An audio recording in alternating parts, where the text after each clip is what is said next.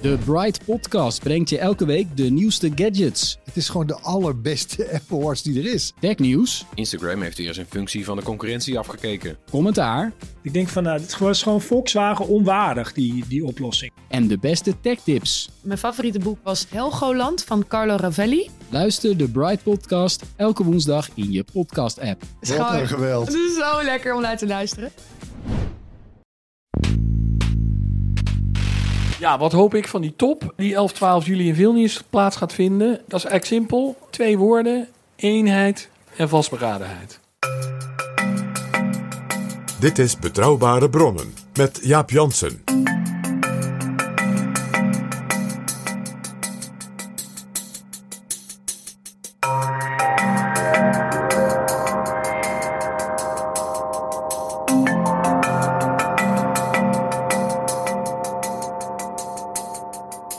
Hallo, welkom in Betrouwbare Bronnen aflevering 361 en welkom ook PG. Dag Jaap. We hoorden net de Nederlandse ambassadeur bij de NAVO in Brussel, Thijs van der Plas, op een bijeenkomst in Nieuwspoort vorige week. En hij sprak in het kader van de NAVO-top in Vilnius aanstaande 11 en 12 juli. Een belangrijke NAVO-top midden in de oorlog in Oekraïne. En midden in het deel van Europa waar de grootste spanningen zijn. De Baltische landen, letterlijk om de hoek van Kaliningrad. De plek waar Poetin ook een heleboel raketten heeft geplaatst. En ik was bij de NAVO in Brussel, waar ik met een heleboel deskundigen heb gesproken. In het kader van een bijeenkomst georganiseerd door de Atlantische Commissie. En ik weet er dus heel veel van inmiddels, van wat daar allemaal op het spel staat in veel nieuws. En wat er in veel nieuws op het spel staat, is misschien een van de allerbelangrijkste topconferenties van de voorbije vele jaren. Want men zal vergaande beslissingen moeten nemen en ook vooral ja, nieuwe richtingen kiezen. Als gevolg ook, en maar niet alleen, van de oorlog in Oekraïne. Want heel veel van de ja, aannames, zelfs wel vanzelfsprekendheden, de vaste vragen die elke keer gesteld werden in het Europa sinds de val van de muur, moeten helemaal overnieuw. Ja, je zou kunnen zeggen dat sinds 1990 de NAVO een koers in is geslagen. die nu weer helemaal op zijn kop wordt gezet na de inval van de Russen in Oekraïne. En dat heeft dus consequenties voor het hele Westers bondgenootschap. En dat Westers bondgenootschap zelf zal geherdefinieerd gaan worden. Zo is inmiddels duidelijk. Dat heeft consequenties voor de EU, die ook nieuwe rollen en nieuwe terreinen ook zelf ontwikkelt nu. Scherp afgestemd, veel meer dan vroeger met de NAVO. En dus ook heel nadrukkelijk voor Nederland. Vroeger werd een NAVO-top om de drie à vier jaar gehouden. Tegenwoordig, vanwege de spanningen, elk jaar. En dat is een heel gedoe, want bijvoorbeeld alleen al de president van de Verenigde Staten neemt zo'n 1500 mensen mee in zijn gevolg. Ja, je moet er al eerst al een vliegveld hebben waar Air Force One veilig kan landen. Ja. En het is dus een geweldige uitdaging dat men heeft gezegd en we gaan dat doen in Litouwen, in Vilnius. Ja, de hoofdstad eh, van Litouwen, Vilnius, eh, eigenlijk om de hoek bij eh, Belarus, het buurland en de partner in crime van Rusland. En om de hoek dus van Kaliningrad. En dat is Rusland. En dat is een, een van de meest zwaar bewapende delen van Rusland. Dus het is een hele symbolische plaats. Het is een hele symbolische plaats, ook omdat Vilnius en Litouwen een stad en een land zijn met een enorme geschiedenis, Jaap. Inderdaad, we, we gaan weer de diepte in, ook in deze editie, in Midden- en Oost-Europa. En het verleden daarvan ook in confrontatie met het Rusland van vroeger. En daar zitten verhalen en mensen en gebeurtenissen in. Fascinerend. Maar eerst, PG, de administratie. Zijn er nog nieuwe vrienden van de show? Ja, Jaap, die zijn er. En naast een woord van dank, zo tegen het eind van dit seizoen, aan al onze vrienden van de show. Zeker ook de vele vrienden die we in het concertgebouw mochten ontmoeten. Een heel bijzonder woord van dank aan de nieuwe. En dat zijn Mark, Jan, Marianne, Gerben en ook nog vier mensen die een donatie deden. HM, Jenny, Erik en Fred. Allemaal hartelijk dank. Wil jij ons ook helpen met een donatie? Dan ben je zeer welkom op vriendvandeshow.nl slash bb. PG, we moeten nog even praten over onze sponsor, Missie H2. Waterstof dus. GasUnie, Groningen Seaports, Port of Amsterdam, Remea, Shell Nederland, Toyota, Eneco en Vopak willen positieve energie geven aan de energietransitie. Ze willen zoveel mogelijk Nederlandse bedrijven en organisaties stimuleren om van Nederland een volledig functionerende waterstofmarkt te maken. En het kabinet blijkt dat ook te willen. Want deze dagen kwam minister Rob Jetten van Klimaat en Energie met een lange termijnplan voor het energiesysteem van Nederland. En daaruit blijkt dat waterstof essentieel punt is daarin. Cruciaal voor de industrie, voor de zeevaart en de luchtvaart wordt groene waterstof. Die zullen we deels in Nederland produceren, voornamelijk via windenergie op zee. En daarnaast zetten we massaal in op het importeren van groene waterstof uit een groep bevriende landen. Rob Jetten noemt dus waterstof een cruciaal aspect in de energietransitie. Precies wat Missie H2 ons ook vertelt. Missie H2 wil van Nederland het waterstofland maken in 2030. Weg CO2-uitstoot, weg fijnstof. En het leuke is, daar kan dus iedereen aan meedoen. En daarvoor is dus die waterstofkaart van Missie H2. En die staat ook op missieh2.nl. En daar kun je precies zien wie wat doet met projecten aan waterstof. Organisaties, bedrijven, vul maar in. En Missie H2 wil zoveel mogelijk waterstofkampioenen zien.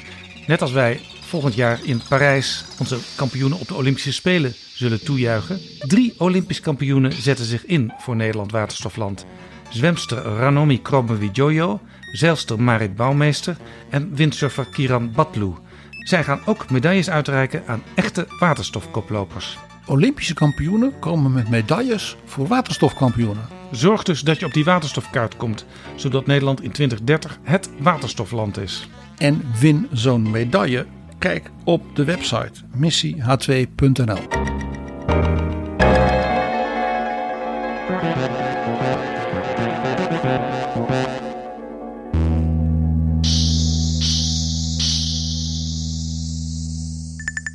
Dit is Betrouwbare Bronnen. PG, de NAVO telt 31 lidstaten, inclusief het nieuwe lid Finland. Maar er zijn nog meer landen aanwezig in Vilnius. En dat is eigenlijk het tweede grote symbolische punt van deze top. Naast dus de plek, Vilnius, met die- dat enorme, ja, die enorme zeggingskracht ook uit het verleden. En dat is wie er allemaal zijn. Nieuwe lidstaat Finland, die worden ook extra beloond. Want na Vilnius gaat Joe Biden naar Helsinki voor een officieel bezoek. Echt om de Finnen enorm te bedanken en natuurlijk eh, ja, aan te moedigen. Maar wie er ook zijn, is natuurlijk Zweden. Ja, Zweden, het aspirant lid, eh, wat nog even niet wordt toegelaten, omdat met name eh, Turkije moeilijk doet. Turkije wil allerlei garanties over anti-Turkse terroristen die bijvoorbeeld demonstreren in Zweden. Maar goed, Zweden, net als Finland, is er al bij. Dit is ook een van de dingen waar de secretaris-generaal van de NAVO zo'n beetje elke dag mee bezig is geweest de afgelopen tijd. Hoe krijg ik eh, Turkije en ook Hongarije moest nog een beetje gemasseerd worden. Hoe krijg ik ze over de streep om Zweden ook toe te laten? En ehm, waarschijnlijk lukt dat niet meer voordat de top begint. Eh, maar het zou mooi zijn, zeggen de mensen die ik heb gesproken, als Erdogan op de top in Vilnius zegt: er zijn voor mij nu geen belemmeringen meer. Zweden mag lid worden. En we kunnen ervan uitgaan dat de herbenoemde Jens Stoltenberg inmiddels de gebruiksaanwijzing van de net ook herkozen Erdogan wel zo langzamerhand kent. Sterker nog, Jens Stoltenberg was bij de inauguratie van Erdogan toen die opnieuw gekozen was. En dat was natuurlijk helemaal toeval. Maar minstens zo interessant zijn nog een serie andere aanwezigen. Dus landen die echt meedoen ook in de discussie en betrokken worden. En ik noem als eerste een klein, maar ook voor Nederland natuurlijk heel ja, symbolisch land in de West-Balkan, namelijk Bosnië. Ja, Bosnië hoor je niet zo vaak, die naam. Is ook nog geen lid. Behoort dus tot die groep landen in de West-Balkan die ook ja, toewerkt naar een EU-lidmaatschap. Maar in de NAVO zijn al een aantal van die wat kleinere landen in de West-Balkan lid geworden, zoals Montenegro. En het is heel duidelijk dat men nu zegt: Bosnië hoort erbij. Bosnië moet in het geheel meedoen en ook dezelfde bescherming en ook dezelfde verantwoordelijkheid kunnen dragen. Ja.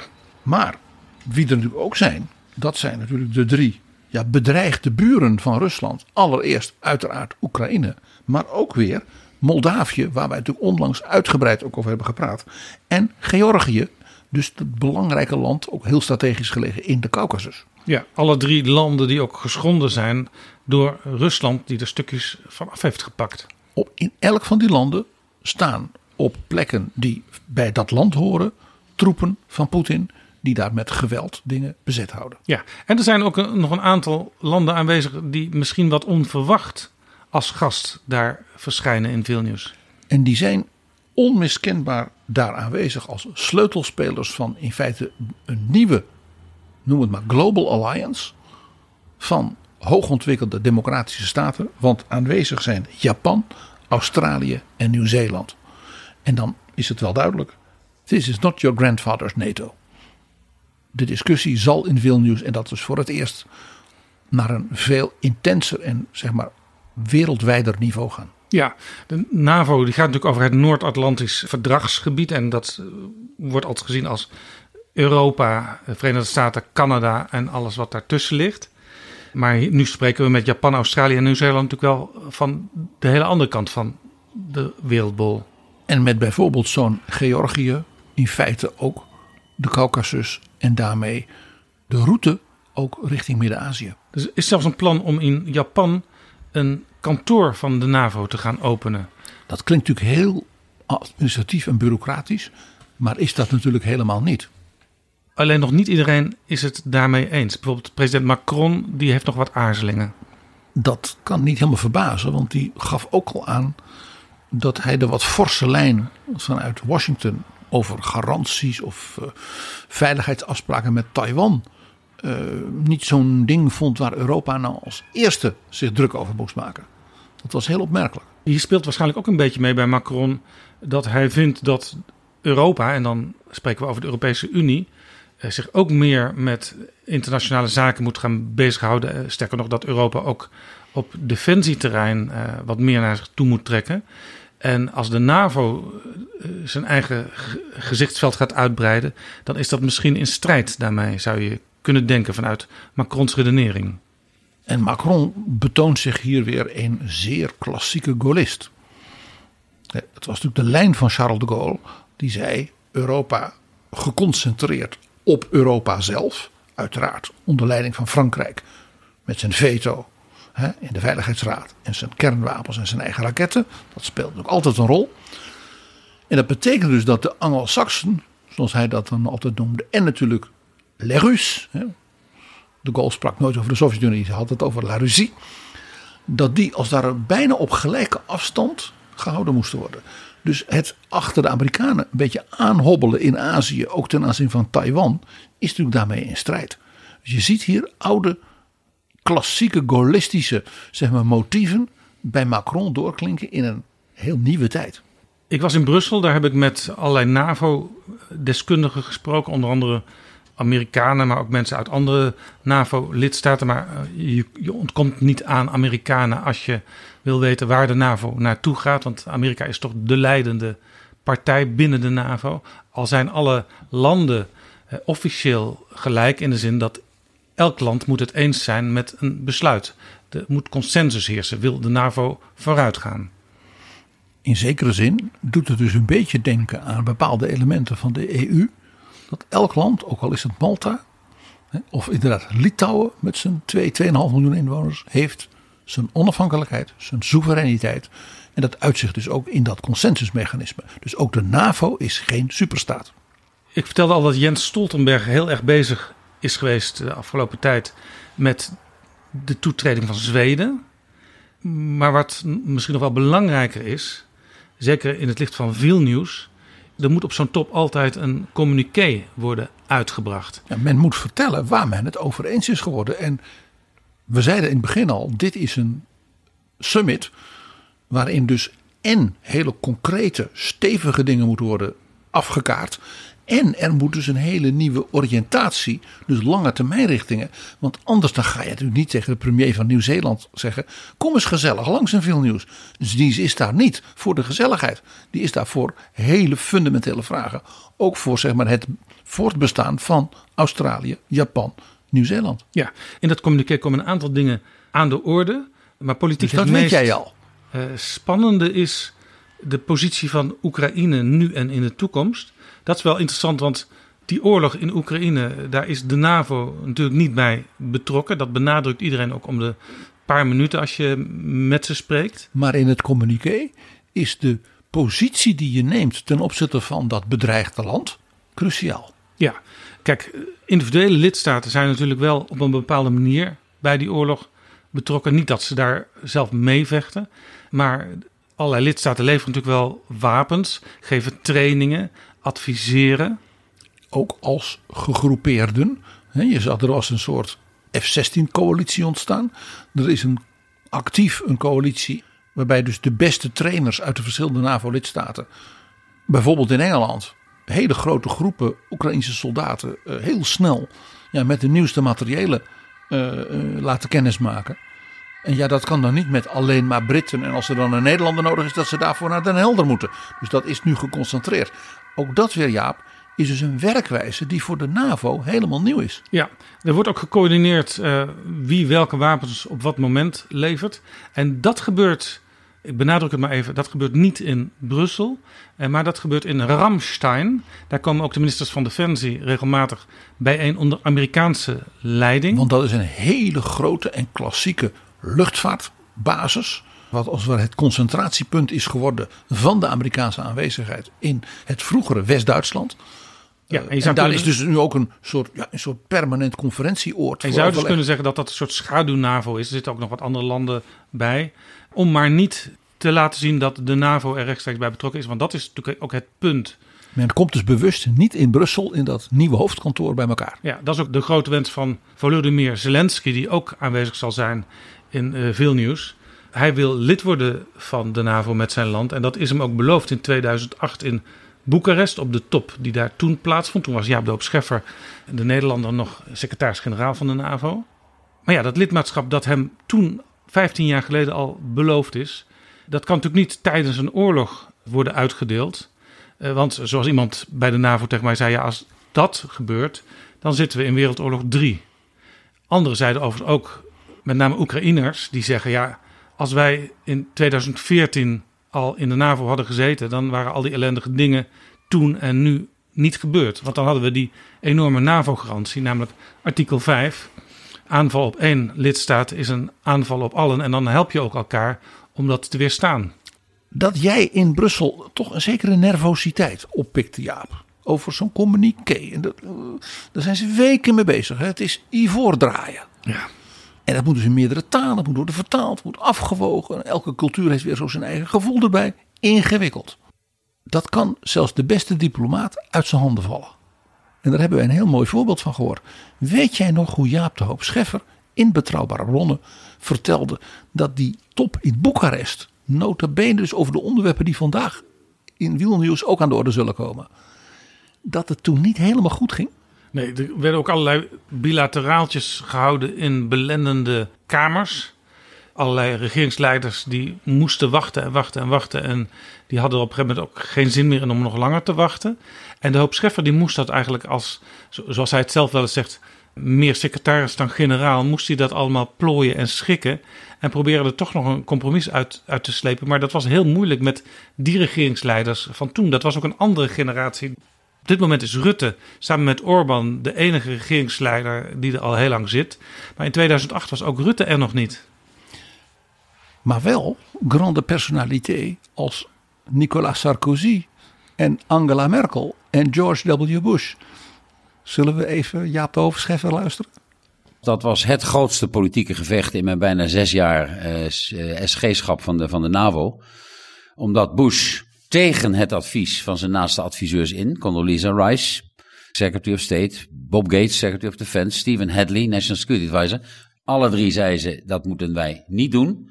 Dat hadden ze u ook gezegd in Washington dat ter mij voorbereiding. aan de vooravond van mijn bezoek aan Bush gezegd. Maar ze zeiden daar toen bij, we weten niet wat de commander-in-chief je gaat vertellen morgenochtend. Dan zie je dus het Amerikaanse systeem, wat ons vreemd is. Dan kom je in het Oval Office en dan zitten ze dus op die sofa, op die bank. En dan zeggen ze niks. Wie daar wel bij zat, was Dick Cheney, de vicepresident. En die had, en Bush, overigens, laat ik dat nog, ook, ook nog eens een keer herhalen, bepaalt geen domme hoor, zoals hij hier in, in West-Europa vaak wordt afgeschilderd. Absoluut niet. Maar Bush liet zich altijd mondeling brieven. Ik had altijd, moet ik eerlijk toegeven, een papiertje bij me. Je moet die en die punten moet je maken, een klein, klein kaartje. Hij had nooit iets. Liet zich vlak van tevoren liet hij zich brieven. Uh, en dan werkte hij zijn punten af. Uh, uh, zeer consistent. Nou ja, hij werkte toen, die ochtend, ook dat punt af. En zei, we gaan volle kracht vooruit.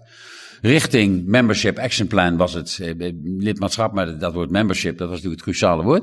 Nou ja, en daar ontstond op die top een gigantisch gevecht tussen Merkel en Sarkozy enerzijds. Uh, en anderzijds Bush gesteund uiteraard door de Centraal-Europese landen, door Polen. Uh, Radek Sikorski was minister van Buitenlandse Zaken.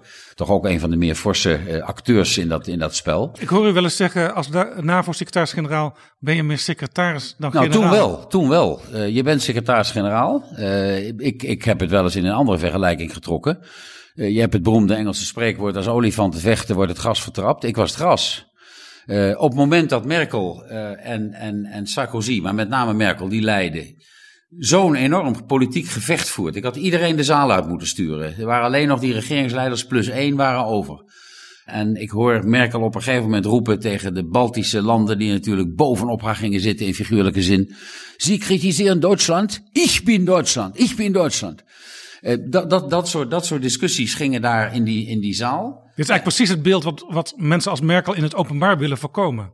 Dat, dat sterke nou ja, Duitsland Merkel, Merkel voerde het gevecht. En mijn verbazing tot op de dag van vandaag is dat ondanks dat gevecht er dus die zinsnede uitkwam. They will become NATO members. They, Oekraïne en Georgië, zullen NAVO-lid worden. Compromis was natuurlijk Sint-Jutemus. When pigs fly, zoals de Engelsen zo mooi zeggen. Sint-Jutemus, daar zetten we geen tijdstip bij. Maar desalniettemin. En Poetin, Poetin die ik de volgende morgen sprak onder acht ogen, dus met, met echt, echt, met, met, heel, met heel weinig mensen. Die, die zei toen onmiddellijk tegen mij van, uh, u heeft toch niet de illusie, meneer de secretaris-generaal, dat dit ooit zal gebeuren. En later, op diezelfde dag in de NAVO-Ruslandraad, uh, herhaalde hij wat hij ook wel eens eerder had gezegd. Oekraïne is helemaal geen land, is helemaal geen, geen staat. Ja, het probleem wat er is gebeurd in Boekarest, is dat men als compromis zei, we gaan hen perspectief geven, maar een zogenaamde Membership Action Plan wat betekent dat nou voor huiswerk voor dat land en ook een beetje voor de NAVO-landen zelf, is toen niet vastgelegd. Dus het bleef, het hing in de lucht en het tikte. En Poetin dacht, ja, zolang dat gebeurt, moet ik vooral snel toeslaan voordat het wel gebeurt. Ja, en nu is uh, het idee dat zo'n membership action plan voor Oekraïne misschien helemaal niet meer nodig is. En dat is een hele nieuwe denklijn. In dat membership action plan uh, moest je natuurlijk allerlei dingen laten zien waaruit blijkt dat je toegroeit naar het lidmaatschap. Bijvoorbeeld uh, of je de rule of law goed toepast, of je niet corrupt bent. Heel belangrijk natuurlijk ook of uh, de krijgsmacht aan kan sluiten op alles wat er in de NAVO opereert. Zijn je mensen zodanig getraind dat ze geïntegreerd kunnen functioneren met andere NAVO-lidstaten? En dat laatste, dat bewijst Oekraïne nu elke dag. Sterker nog, de NAVO heeft modernere aanpak uh, van, van de krijg. Veel moderner dan de Russen. Vandaar dat Oekraïne ook niet meteen onder de voet is gelopen, zou je, zou je kunnen zeggen. En wat we natuurlijk ook hebben vastgesteld, is dat Oekraïne met het vernuft van de Oekraïnse bevolking, hè, hun beta-technisch en ICT-vernuft in het bijzonder, dat zij allerlei spullen nog slimmer maken, hè, de drones en andere, ten opzichte, dus door in de praktijk, ja dat is afschuwelijk om te zeggen, maar in de praktijk van de oorlog ja, gedwongen te worden nog slimmer, nog sneller, nog flexibeler te opereren. Waar dus alle andere landen, ook de NAVO-lidstaten die die materiaal leveren, ontzettend veel van leren. De directe buurlanden van de Oekraïne die zeggen laat dat land nu toetreden, ondanks Wereldoorlog 3 zou je kunnen zeggen. Uh, Zelensky zegt ja, ik begrijp wel dat dat nu niet kan, uh, maar iedereen in de NAVO is er wel van bewust er zal in elk geval in taal, dat hoor je ook vaak in Brussel, in taal, zal er een formule moeten worden gevonden in dat eindcommuniqué. Waarmee Zelensky kan zeggen: Ik heb wat bereikt in Vilnius. Ik ben dichter bij dat lidmaatschap gekomen. En waarmee Joe Biden tegen de Amerikanen kan zeggen: Kijk, leadership, unity. En de Europese landen, waarbij er een aantal bij zeggen: van oei, oei, oei. Toet er niet te hard. Maak geen belofte die je niet waar kan maken. Want ook dat speelt een rol.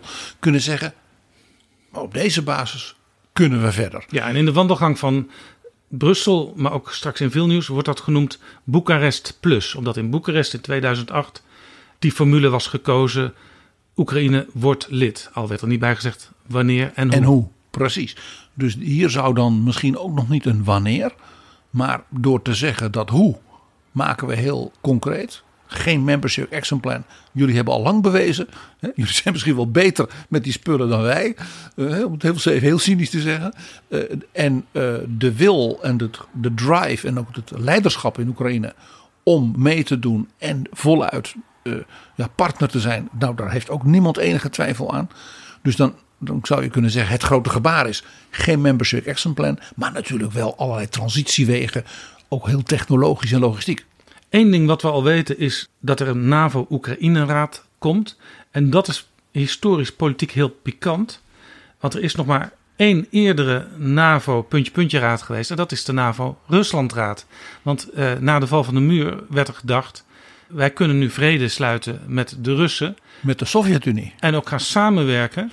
Er werd zelfs al in kleine kring... bijvoorbeeld Manfred Wörner die heeft daar wel gedachten over geuit. Er was de Duitse minister van Defensie die secretaris-generaal werd. Precies. Om misschien ooit Rusland zelfs tot de NAVO toe te laten als het allemaal zo goed zou gaan als men toen nog niet alleen hoopte, maar eigenlijk ook wel dacht. Ja, in zekere zin, het is een wat aparte historische conclusie, Jaap. Wordt dus nu met Zelensky afgesproken wat men hoopte te kunnen bereiken met Boris Yeltsin. De ironie van de geschiedenis. En die NAVO-Oekraïne-raad, als die dan maar inkomt, dan is dat eigenlijk gewoon hetzelfde beeld wat je ziet. Al die ambassadeurs om zo'n hele grote ronde tafel, plus de vertegenwoordiger van Oekraïne.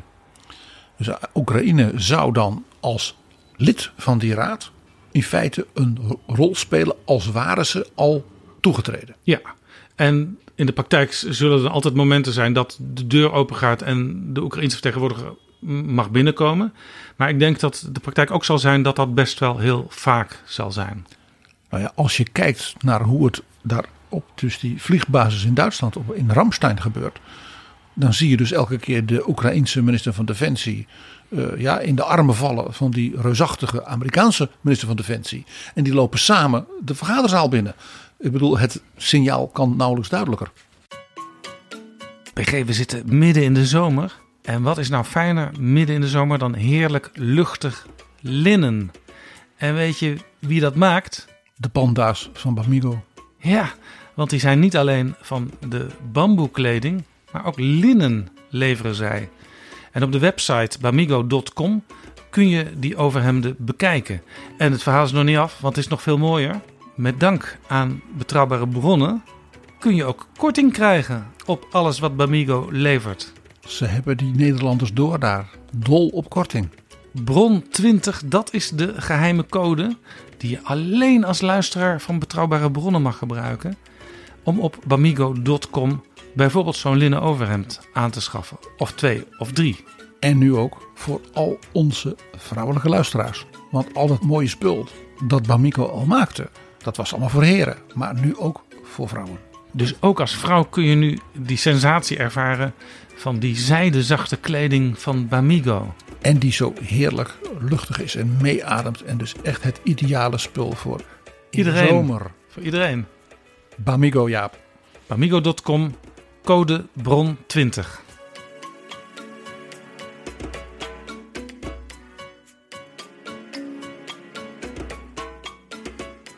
Dit is Betrouwbare Bronnen. De vraag is in Vilnius, wat kan men zeggen om Oekraïne het idee te geven... wij zijn een grote stap verder gekomen. Meestal als er een top is, dat geldt eigenlijk ook in de Europese Unie... maar zeker ook in de NAVO... dan is dat communiqué al klaar voordat de regeringsleiders elkaar de hand schudden... Maar niet altijd. Bijvoorbeeld in 2008 was dat niet zo. En toen kwam er uiteindelijk die formule van lidmaatschap, maar we zeggen niet wanneer en hoe. En iemand bij de NAVO die zei ook tegen mij: Ik hoop niet dat het nu op het laatste moment weer zo gaat als destijds in Boekarest. When we have leaders alone in the room, it makes us very nervous. Dit was dus een hoge ambtenaar die dat zei, ja. Ja. Dit was niet een assistent-leader, dit was ook niet een Sherpa, maar er was iemand nog net daaronder die dan denkt: oh jee, oh jee, oh jee, als die deuren dicht gaan en wij mogen er niet meer bij zitten, uh, wie weet wat er dan gebeurt. Uh, ik begreep zelf dat men al weken, dus tussen de meest ja, zeg maar, briljante formuleerders en mensen, diplomaten, dat men dus allerlei mooie formuleringen, uiteraard in het Engels, met elkaar uitprobeert. Waarbij de ene als het ware een iets zwaardere klankkleur heeft dan de andere. Of als je het combineert, die twee begrippen, hè, dan is het net weer beter dan wanneer je ze los doet in een, hè, met een punt ertussen. Ja, het is echt voor de diplomatieke fijnproevers. En dat is cruciaal natuurlijk. Ik glimlach er een beetje op, dat kun je horen, Jaap.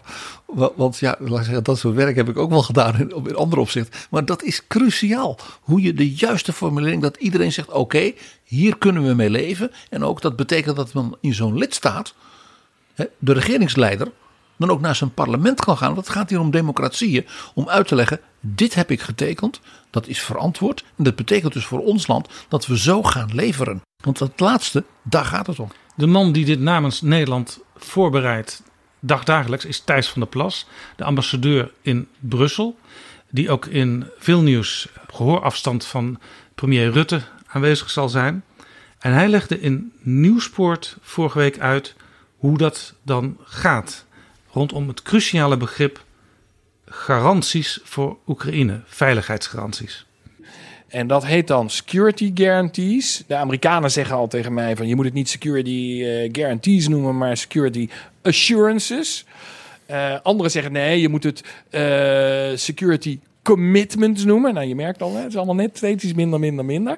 Maar wat het is, is het volgende. Wij gaan Oekraïne garanderen tot in lengte van jaren zullen wij ervoor zorgen dat jullie strijdkrachten hebben die goed gefinancierd zijn, goed uitgerust zijn, goed getraind zijn, goed geadviseerd worden. Wij gaan er gewoon voor zorgen dat jullie een deterrent force hebben, zodat na deze oorlog, wie er ook zit in het Kremlin, het nooit meer in zijn hoofd haalt om dit te doen.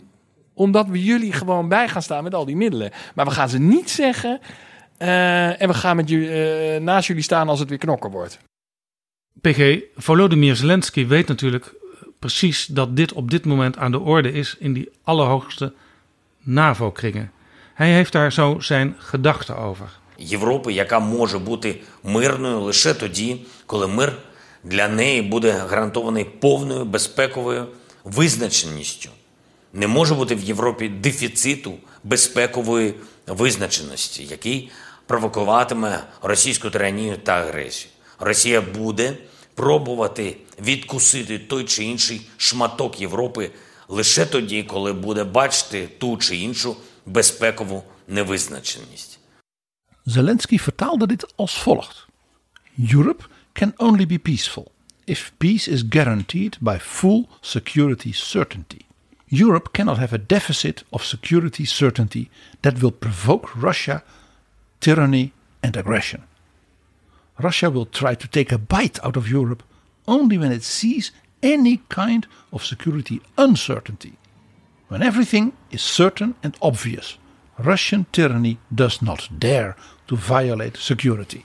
Ja, It is obvious that Europe can be protected from any aggression only together with Ukraine and only together with Ukraine in NATO. ja dit is dus een, een fijnzinnig, maar ook duidelijke wenk van Zelensky. Weet wel, NAVO-leden, waar jullie nu over gaan besluiten. Hij zegt een aantal dingen dus in dit hele korte tekstje. Je ziet opnieuw de acteur die precies weet hè, welke, welke zin van Shakespeare of van Goethe of Schiller hij moet gebruiken. Hij gebruikt dus allereerst het begrip als Europa, niet Oekraïne, als Europa zeker wil zijn van zijn veiligheid. En dus ook zeker wil zijn dat Poetin niet weer ergens anders een hap doet. Hij bedoelt dus Vilnius, Litouwen, Estland, Finland, Moldavië. Hij zegt het ook hier tegen de mensen in Litouwen, heel duidelijk. Dan hebben we het met elkaar nodig te doen. En dat kan alleen als Oekraïne onderdeel is. Dus hij spreekt als het ware Europa toe van de veiligheid van Kiev is de veiligheid van Vilnius. En hij gebruikt een term die Thijs van der Plas in die verschillende formuleringen ook voorbij liet gaan. Namelijk peace guaranteed by full security certainty. Dus niet een garantie, nee, vrede die gegarandeerd wordt doordat we volledige zekerheid hebben van veiligheid. Dus dat zou een soort compromisformule kunnen zijn die hij als het ware hiermee in het gesprek brengt. Ja, guarantees, dat is de zwaarste vorm die Van der Plas noemde. De Amerikanen willen dat wat, wat afzwakken tot assurances. Dus hij gebruikt nu guaranteed by certainty. Dus daar zit dat element van het woord garantie zit er wel in, maar het gaat dan gegarandeerd door iets anders. Dus dat is niet op zichzelf een garantie. Het, heel, het is heel verfijnd. Het is een garantie die ontstaat doordat je zeker van elkaar ja. bent. En uh, sommige luisteraars zullen misschien denken: wat een gemiezenmaus en gemierenneuk over een woordje. Maar het is natuurlijk zo, als je de allerhoogst denkbare formulering van garantie erin schrijft, ja, dan kom je eigenlijk op artikel 5 van het NAVO-handvest terecht. En dat kan alleen als je echt lid bent. Dus de formulering gaat dus om de kunst van een definitie die niet artikel 5 is, maar wel het effect van artikel 5 heeft. Weet je nog dat het Bismarck was die altijd die zei: politiek is de kunst van het mogelijke. Het is iets, je moet iets mogelijk maken en dat vereist creativiteit, bijna kunstzinnigheid. Ja, en iedereen zegt: Oekraïne wordt lid nadat deze oorlog voorbij is. Maar het is natuurlijk de vraag: wanneer is de oorlog voorbij? Ook dat is iets wat je uh, ja, zou moeten formuleren, maar wat eigenlijk liever ook niemand doet. Want ja, het doel van Oekraïne is uh, dat ze weer terugkomen in de staat waarin Oekraïne zich bevond. Uh, ja, voordat de Krim werd, werd binnengevallen, en voordat de Donbass werd bezet en voordat deze grote inval plaatsvond. En voordat Rusland keer op keer interveneerde als een soort baas in een vazalstaat. Bijvoorbeeld in de verkiezingen. Denk even aan de vergiftiging van Yushchenko. Denk even aan de poging om meneer Yanukovych toch weer aan het bewind te krijgen. Ja. Dat wil men natuurlijk ook nooit meer. Nee. En, en um, altijd wordt gevraagd, ook uh, als je met NAVO-mensen praat, van wanneer komt nou het moment dat Zelensky naar de onderhandelingstafel gaat en dat de Russen daar ook aanschuiven? Ja, dat komt altijd pas in een oorlog als uh, de partijen of een van de partijen het idee heeft: ja, ik, ik kom hier niet verder en ik wil toch een eind uh, eraan breien. Maar Jaap, dit raakt nog iets. Als dus men zegt: Oekraïne kan, zolang er nog echt sprake is van oorlog en oorlogshandelingen, dus niet het volledig lidmaatschap krijgen, dan betekent dus dat ook dat Zelensky zelf bepaalt wanneer dat moment daar is.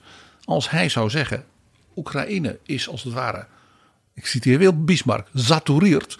We hebben nu voldoende ja, heroverd. We kunnen nu gaan praten. Dan kan hij ook meteen lid worden. Als hij zegt nee, dat kan niet, kan hij dus ook nog geen lid worden.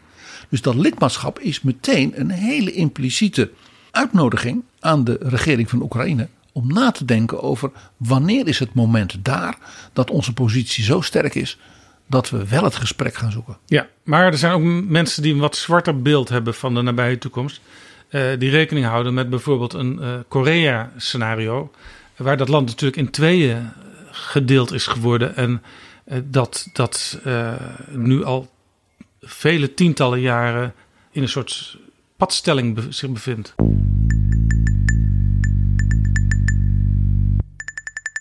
Maar Jaap, ik neem toch aan dat niet alleen de tekst, hoe verfijnd en hoe gecompliceerd ook de discussie daarover, ja, zelfs nog in veel nieuws hè, ter plekke zal zijn, dat dat het enige is, concrete ding is wat nu uh, ja, stevig moet worden bediscussieerd. Ja, nee, je zou kunnen zeggen, papier is geduldig.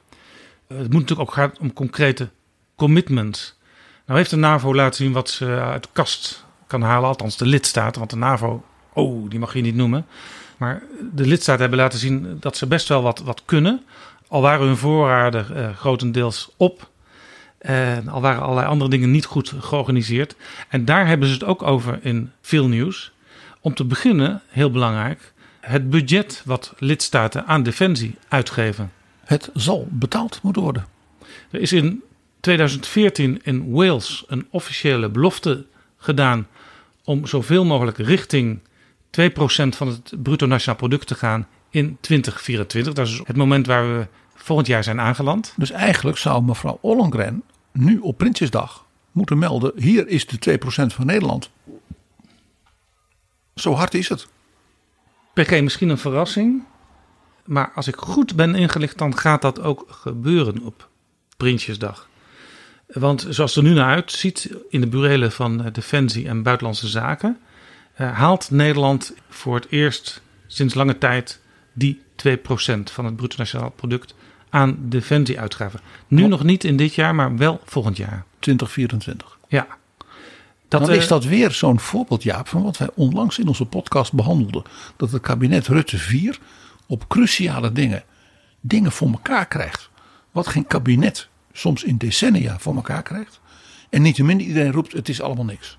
Nederland- Die merkwaardige ja, dichotomie die op dit moment politiek Den Haag zo domineert. Nederland komt wel van ver. Want we hebben Dat maakt het des te opmerkelijker. heel lang toch een beetje onderaan de lijst van eh, contribuanten gebungeld als het gaat om de defensieuitgaven. Nederland deed ook die plechtige belofte tien jaar geleden, maar liet weinig zien daarna.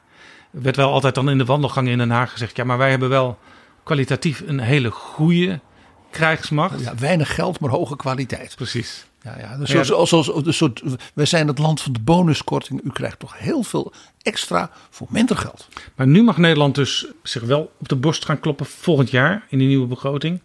En dat geldt niet voor alle landen van de NAVO. Bijvoorbeeld Spanje, die denken pas in 2029 eh, zover te zijn.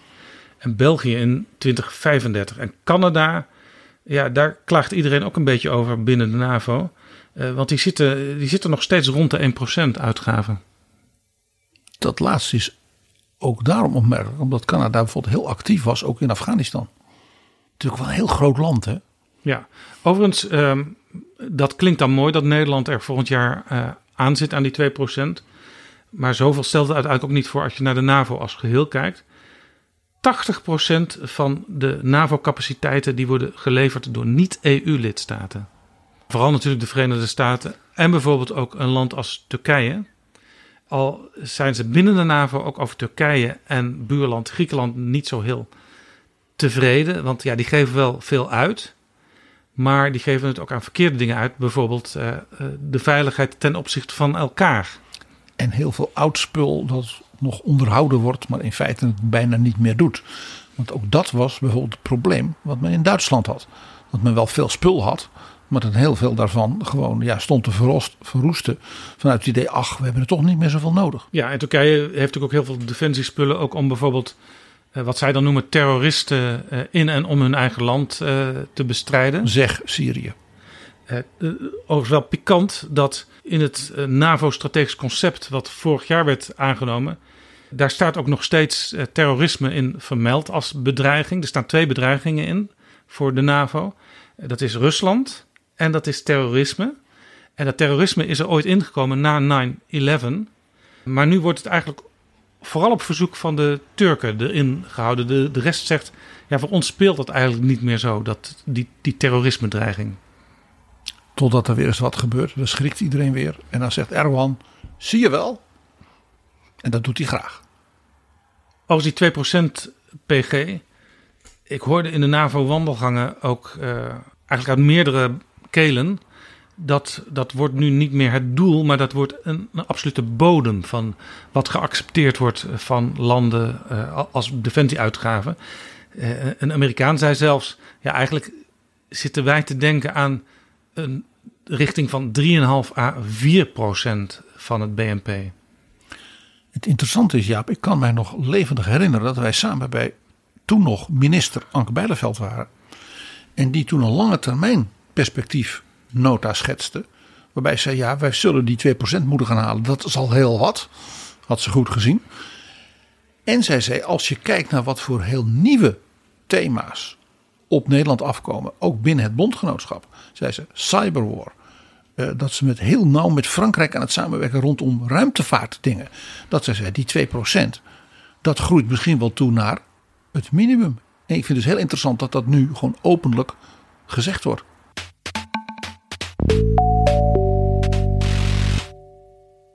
Nou Jaap, stel nou aan het eind van de vergadering in Vilnius dat men op deze twee cruciale, concrete dingen men heeft gezegd: oké, dit is het. Men heeft dus een communiqué dat staat. Zelensky kan met opgeven hoofd naar Kiev. En Joe Biden kan blij met zoveel unity naar Helsinki. En men heeft elkaar nog een keer heel diep in de ogen gekeken als het gaat om de financiën. Ja. Dan komt natuurlijk wel de vraag, ja en dan? Want waar ga je dat geld dan voor gebruiken? Want één ding is duidelijk. De NAVO heeft onderling ook tegen elkaar gezegd. Ja, de wereld is zo veranderd. Ook door de inval in Oekraïne. Dat de NAVO zichzelf als ware moet herrijken. Daarom is Japan erbij. Daarom is Nieuw-Zeeland daar. Maar ook daarom is Moldavië erbij. En als je nou kijkt naar de stukken. En ik hoorde ook van jouw gesprekken in Brussel. Toen we daar samen ja, over doordachten. Dat er eigenlijk drie grote ja, zeg maar, vragen naar de richting, de oriëntatie van de NAVO op tafel liggen. De eerste is eigenlijk sinds de val van de muur. Had men het idee, ja kijk Europa, daar is die veiligheidsgaranties. Ja dat loopt wel. We hoeven niet meer bang te zijn voor het Warschau-pact. Men heeft nog heel lang gedacht, Yeltsin gaat misschien wel meedoen. Dus wat werd de focus? Dat heette out of area. Dus die grensgebieden voorbij het Noord-Atlantisch gebied. En dan moet je denken aan de Persische Golf. Men dacht natuurlijk ook aan Noord-Afrika. Daar speelde ook terrorisme, daar speelde ook Al-Qaeda en dergelijke een rol. Daar ging men naar kijken. Dus men ging in Libië van alles doen. Men ging zelfs in Mali, in de Sahel, gebeurde er van alles. Ook vanuit het idee, alles wat daar gebeurt heeft indirecte en soms ook directe gevolgen voor wat zich hier eh, in Europa en de rest van het NAVO-gebied afspeelt. En dat is natuurlijk nog steeds zo. Maar de vraag is nu toch echt van, hebben we die focus op Europa niet weer heel erg nodig? Zij het misschien in ook in nieuwe termen. Kijk wat er gebeurt in Oekraïne. Ook logistiek, de, de coördinatie en het leveren van spullen. Hebben we voldoende spullen? Nou, al die vragen die dus door Oekraïne heel actueel zijn geworden, zijn natuurlijk ook vragen voor de lange termijn. Ja, eigenlijk is dit uh, omkering dus van de NAVO-strategie van de afgelopen 30 jaar. We moeten echt weer terug naar de periode, zeg maar, in de tijd van de Koude Oorlog. Toen wij ons dag, dagelijks prepareerden op een mogelijke binnenval van de Russen en de toenmalige bondgenoten. Ja, eigenlijk is het dus nu weer America first means Europe first. De verdediging van het eigen NAVO-grondgebied, daar zal weer de nadruk op gaan liggen. Er zijn allerlei plannen gemaakt, al, al lang geleden, van hoe moet dat dan? Die worden nu allemaal geüpdate en die worden ook versneld uitgevoerd. Dus men gaat gewoon een tempoverhoging doorvoeren voor alles wat men aan projecten, initiatieven en investeringen heeft. Ja, en wat ook zo was, in geval van oorlog, dan wordt natuurlijk overlegd van wie heeft wat en wat is allemaal inzetbaar en wat kunnen we onder commando van de NAVO brengen. Maar dat, dat was allemaal vrij vaag en dat zou in de praktijk nog wel eens kunnen tegenvallen. Dus wat gaat er de komende jaren uh, gebeuren? Er wordt een lijst gemaakt van 300.000 snel inzetbare troepen. Die dus ook meteen, als er iets aan de knikker is, onder commando van Sakeur, de commandant van de NAVO in Europa. Dat is altijd een Amerikaan. De secretaris-generaal is altijd een Europeaan. De commandant is altijd een Amerikaan. Die dus direct onder zijn bevel kunnen worden gesteld. En dan krijg je dus een integraal commando voor een soort snelle, korte termijn ingreepclub van 300.000 man. Ja. Dat is veel. Ja, en, en nog een ding wat er ook bij betrokken wordt, dat zal ook in veel nieuws aan de orde komen. De defensieindustrie, die is nu natuurlijk eh, eigenlijk ook zich aan het versnellen en heel veel spullen aan het maken die ook meteen in de oorlog in Oekraïne kunnen worden gebruikt. Want als Nederland spullen bestelt, dan moet je niet raar opkijken dat een deel daarvan de komende tijd ook in Oekraïne terecht zal komen. Maar die defensieindustrie zegt, ja, wij zijn nu wel uh, extra hard bezig. Maar ja, wij kunnen natuurlijk niet van jullie op aan. Dus wij willen ook meerjarige garanties van afname. Ja, want als die 2% ertoe leidt dat al die landen zeer zelftevreden gaan achteroverleunen, dan is het niet genoeg. Want dat was inmiddels duidelijk. Het was een bodem. Dus die dingen hangen ook weer samen. Hè? Die logistiek, gewoon heel precies van dit soort dingen is nodig. Daar hebben we er zoveel van, dat kost zoveel. Ja, dat betekent dus, dat heeft consequenties voor die begrotingen. Ja, en er zijn, oh, ironie van de geschiedenis, ook alweer discussies binnen bijvoorbeeld pensioenfondsen. Dan moeten wij misschien toch ook weer niet gaan investeren in de defensieindustrie. Terwijl ze daar juist de laatste 10, 20 jaar eh, van af zijn gegaan. En dan noem ik een punt en denk Jaap, daar heb je PG weer. En dan heb je ook nog mensen nodig. En hoogopgeleide mensen, ICT'ers, mensen die cyberwar snappen, mensen die Russisch spreken, heb je allemaal nodig. En niet alleen mensen die Russisch spreken, PG, maar ook mensen die Mandarijn kunnen. Ik weet dat er op de NAVO op dit moment nog een enorme achterstand daarin is. Er zijn niet veel meer dan, ik geloof, drie of vier mensen binnen dat hele grote NAVO-complex die het Mandarijn beheersen. Dus ook daar zullen ze moeten uitbreiden, want China staat nog niet als bedreiging in uh, het strategisch concept van de NAVO. Maar het wordt door sommigen al wel gezien als iets wat daarbij in de buurt komt. Dus een systeemrivaal, zoals mevrouw. Precies, heel mooi diplomatiek uitgedrukt. Zoals mevrouw von der Leyen dat altijd noemt. En dat bewijst nog maar eens, ook voor alle jonge Nederlanders. Leer uw talen en zorg dat u in een internationale klas zit in uw universiteit of hogeschool. En jij zegt dat Mandarijn niet voor niks. Want terwijl je zou denken dat dat eerste punt, dat out of area, wordt misschien meer secundair ten opzichte van het primaire Europe First. Tegelijkertijd zegt de NAVO tegen elkaar, die discussie loopt dus nu. Er is natuurlijk sprake van een wereldwijde ontwikkeling. Die veel verder reikt dan dat we, wat wij dachten met die out of area. Langs die, zeg maar, die marges opereren. Want er is in feite, men gebruikt soms wel de term Indo-Pacific. In feite een Aziatisch en Stille Oceaan theater in de wereld. Naast dat dus nu weer primaire Europese theater.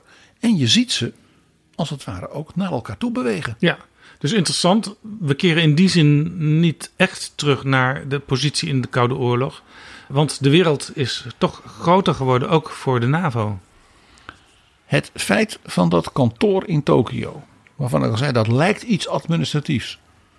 Maar is het niet, want anders zou Macron er niet onmiddellijk over beginnen van ho ho ho moet dat.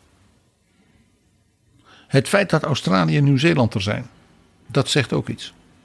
En je ziet dus als het ware dat eigenlijk wordt gezegd dat de NAVO door samen te werken met zeg maar verwante, ook geestverwante democratische naties in die Pacific en in Azië ook een signaal afgeeft aan zowel China als aan Noord-Korea. De Amerikanen hebben ook het idee dat mocht er iets raars gebeuren tussen China en Taiwan, ja, dat behalve zij zelf, die Amerikanen, toch ook nog wel andere bondgenoten te hulp zullen komen, al was het maar met patrouilles daar in de buurt. Dat zal dan nooit uh, onder NAVO-vlag zijn, maar wel bondgenoten daar extra in de buurt. En dat is ook een van de redenen waarom die alliantie is gesloten van het Verenigd Koninkrijk en de Amerikanen met Australië. En Australië op die manier dus ook de meest geavanceerde onderzeeboten zou krijgen. Dat is ook om te patrouilleren zo nodig in de straat van Taiwan. En dat is inderdaad, jij zegt dat terecht. We keren niet terug naar 8 november 1989. Het is echt een andere wereld. En dat blijkt ook nog weer uit het derde van die grote vraagstukken. Want dat lidmaatschap van Oekraïne en de discussie daarover, en dat geldt dus ook voor Moldavië en Georgië, is juist in dit punt ook cruciaal. En dat zag je dus ook in die tweet van Zelensky. Zelensky zegt namelijk in die tweet nog iets. Очевидно, що убезпечити Європу від будь-яких агресій можна лише разом з Україною. І лише разом з Україною в НАТО. Саме тому має бути досягнута безпекова визначеність щодо нашого майбутнього в альянсі. Dat is waarom wij die security certainty moeten bereiken vanwege de toekomst van de alliantie. Hij maakt het dus veel breder dan zijn eigen landsbelang. Hij betrekt het eh, eigenlijk bij de, de, de veiligheid van de wereld als geheel. Ja, hij ziet natuurlijk terecht dat Oekraïne, dus Moldavië, Georgië, Turkije is al lid. De West-Balkan, die landen komen erbij. Dat betekent dus, als je zegt, we hebben ook die focus met geestverwante democratische landen in Azië, dat in feite Oekraïne, net als in vroeger even, de brug vormt hè, met de Caucasus en de Krim ook vroeger, in nog vroeger even de brug vormde naar de zijderoute en naar Midden-Azië. En je ziet dus ook landen als Kazachstan, als Kirgizistan en dergelijke ook zich ja, langzaam wat wegbewegen van Rusland. Ja. Maar tegelijkertijd zijn landen met niet heel veel inwoners, maar heel veel vierkante kilometers. Ja, dit- Ook natuurlijk zeggen ja, Xi Jinping, we ah, respecteren hem, maar hij hoeft het hier niet meteen over te nemen. Nee, dit is overigens ook de reden dat Xi Jinping zelf niet blij was met de inval van de Russen in Oekraïne. Want ook China werkte heel goed samen op handelsgebied met Oekraïne. En China wil niet door agressie vanuit Rusland in een situatie komen dat men met Europa in spanningen en conflicten komt. Zoals bijvoorbeeld rondom ASML dat de Amerikanen, de Japanners en de Nederlanders een soort ja, specifieke alliantie hebben ten opzichte van China. En dat is niet toevallig dus dat hier ook Japan weer in die rol terechtkomt. Waarom zij nu in Vilnius aanwezig zijn. Dat heeft alles met elkaar te maken. Je ziet dus ook dat de NAVO ook van aard verandert. Dus van die, mag ik het zeggen, wat hardware, logistieke eh, samenwerking tussen die westerse landen tegenover nou ja, het Kremlin, tegenover Stalin en tegenover Brezhnev. Dat dus de NAVO zich nu ook dus bezighoudt met inderdaad die hoogtechnologische kant. En dus ook bijvoorbeeld ruimtevaart en dergelijke. En daarmee raakt het ook weer natuurlijk aan de ontwikkeling en de positie van China.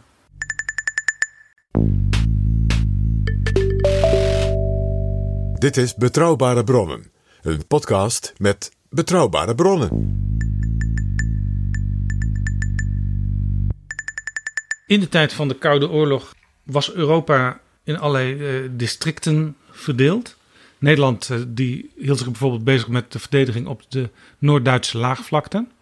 En heel lang hebben we eigenlijk niet meer in die termen gedacht. Eh, wie zit waar en wie helpt wie. Maar dat wordt nu allemaal opnieuw ingetekend. Ook dat is dus heel interessant. Want dat is dus niet een, ik zal maar zeggen, prolongatie van wat er vroeger gebeurde. Maar dat succesvolle model wordt toegepast dus op die heel nieuwe situatie. Dus we gaan krijgen hele nieuwe groeperingen rondom heel nieuwe knooppunten. Als men dat dus in Vilnius met elkaar zeg maar in dat communiqué zo zou formuleren, ja, dan is dat dus een ongelooflijk belangrijke doorbraak naar heel nieuwe vormen van samenwerking. Ja, ik weet niet of dat in die zin in het communiqué komt. Maar het ligt er wel onder, zou je kunnen zeggen. En verklaart nog een keer dus die aarzelingen die Macron heeft geformuleerd. Want die denkt dus, wat ik noem klassiek gaullistisch, vooral aan groeperingen binnen Europa, voor Europa. Jaap, waren daar voorbeelden van in de discussies die jij bijwoonde in Brussel? Nou, PG, in de tijd van de Koude Oorlog, ik noemde al Nederland en, en Duitsland de samenwerking. Maar je had ook bijvoorbeeld samenwerking tussen Canada en Noorwegen. Allebei natuurlijk landen eh, hoog in de atmosfeer. Ja, die waren natuurlijk de twee NAVO-lidstaten die helemaal aan richting de Pool waren. En ja, wat is het andere reusachtige, een zesde van de aarde land aan de Pool? Dat was de Sovjet-Unie. Nou, wat je nu ziet, we hebben het er al een keer eerder over gehad over toen de toetreding van Finland. Toen we die in betrouwbare bronnen uitgebreid bediscussieerden en behandelden. Dat je zag dat in feite dus in die Noordse kant van de wereld, rondom de Noordpool, de toetreding van Zweden en Finland een majeure ja, verandering met zich meebrengt. Ja. En Finland en Zweden hebben natuurlijk alle twee, ook vanwege dus die bijzondere ligging en dat bijzondere klimaat en alles, een hele specifiek hoogontwikkelde, hoogtechnologische, militaire, ook industrie van zichzelf. Dus wat je dus nu zal gaan zien, is dat Canada, Noorwegen, Zweden, Finland en misschien ook wel een paar van die Baltische landen, dat die als het ware zo'n nieuwe groepering vormen, helemaal aan die noordkant. Wat natuurlijk ook inspeelt op de klimaatverandering. Want er kan dus waarschijnlijk meer, ja, zeg maar letterlijk en figuurlijk bewogen worden in dat gebied rond en op de pool. Ja, de flanken zijn natuurlijk heel belangrijk in de, in de verdediging. Uh, jij noemde al de Baltische Staten. Nederland is daar natuurlijk ook samen met Duitsland uh, zeer betrokken in Litouwen. Dus Vilnius. Hè? Kijk ook dus nog een keer, net als we nu net naar het noorden keken, dus naar dat Oostzeegebied. Daar is natuurlijk door de toetreding van Zweden en Finland en het al toegetreden zijn van die drie kleine Baltische landen en Polen, in feite dus Rusland als Baltische mogendheid volledig afgeknepen. Alleen dat kleine stukje bij Sint-Petersburg en dus Kaliningrad. Dat is nog. Dat is dus totaal anders. Rusland is hier terug in de late 16e, 17e eeuw, in de tijd van Peter de Grote. Peter de Grote heeft dus toen die greep op dat Baltische en dat Noordse gebied veroverd. Dat is dus Poetin helemaal kwijt. Dus je ziet dus nu ook dat die Baltische landen zeggen: wij moeten echt met elkaar, met Polen, met Duitsland. Nou, Zweden en Finland komen erbij. En dus ook Nederland, eh, wat daar al heel actief in is, eh, dat verder samen ontwikkelen. Ook om natuurlijk die, eh, ja, dat deel, met name ook bij die Baltische landen, niet tot een nieuw flashpoint te maken. Met dus dat dreigende Kaliningrad. Dat wordt dus eerder een grotere bedreiging doordat Rusland bijna alles kwijt is daar. Dan een kleinere bedreiging. En kijk nog even naar die andere kant in Europa, waar dus ook weer nieuwe lidstaten in aantocht zijn. En dat is natuurlijk allereerst Oekraïne met Moldavië. Ja. Daar zien we natuurlijk dat Polen, Slowakije, Roemenië, ook wel de Baltische landen, maar die zijn natuurlijk wel heel klein. Maar met name die drie als buurlanden zeer actief zijn. En ook eigenlijk als ware ook weer een nieuwe groepering vormen. Uh, daarbij zeer nadrukkelijk gesteund nu, vooral ook door Duitsland.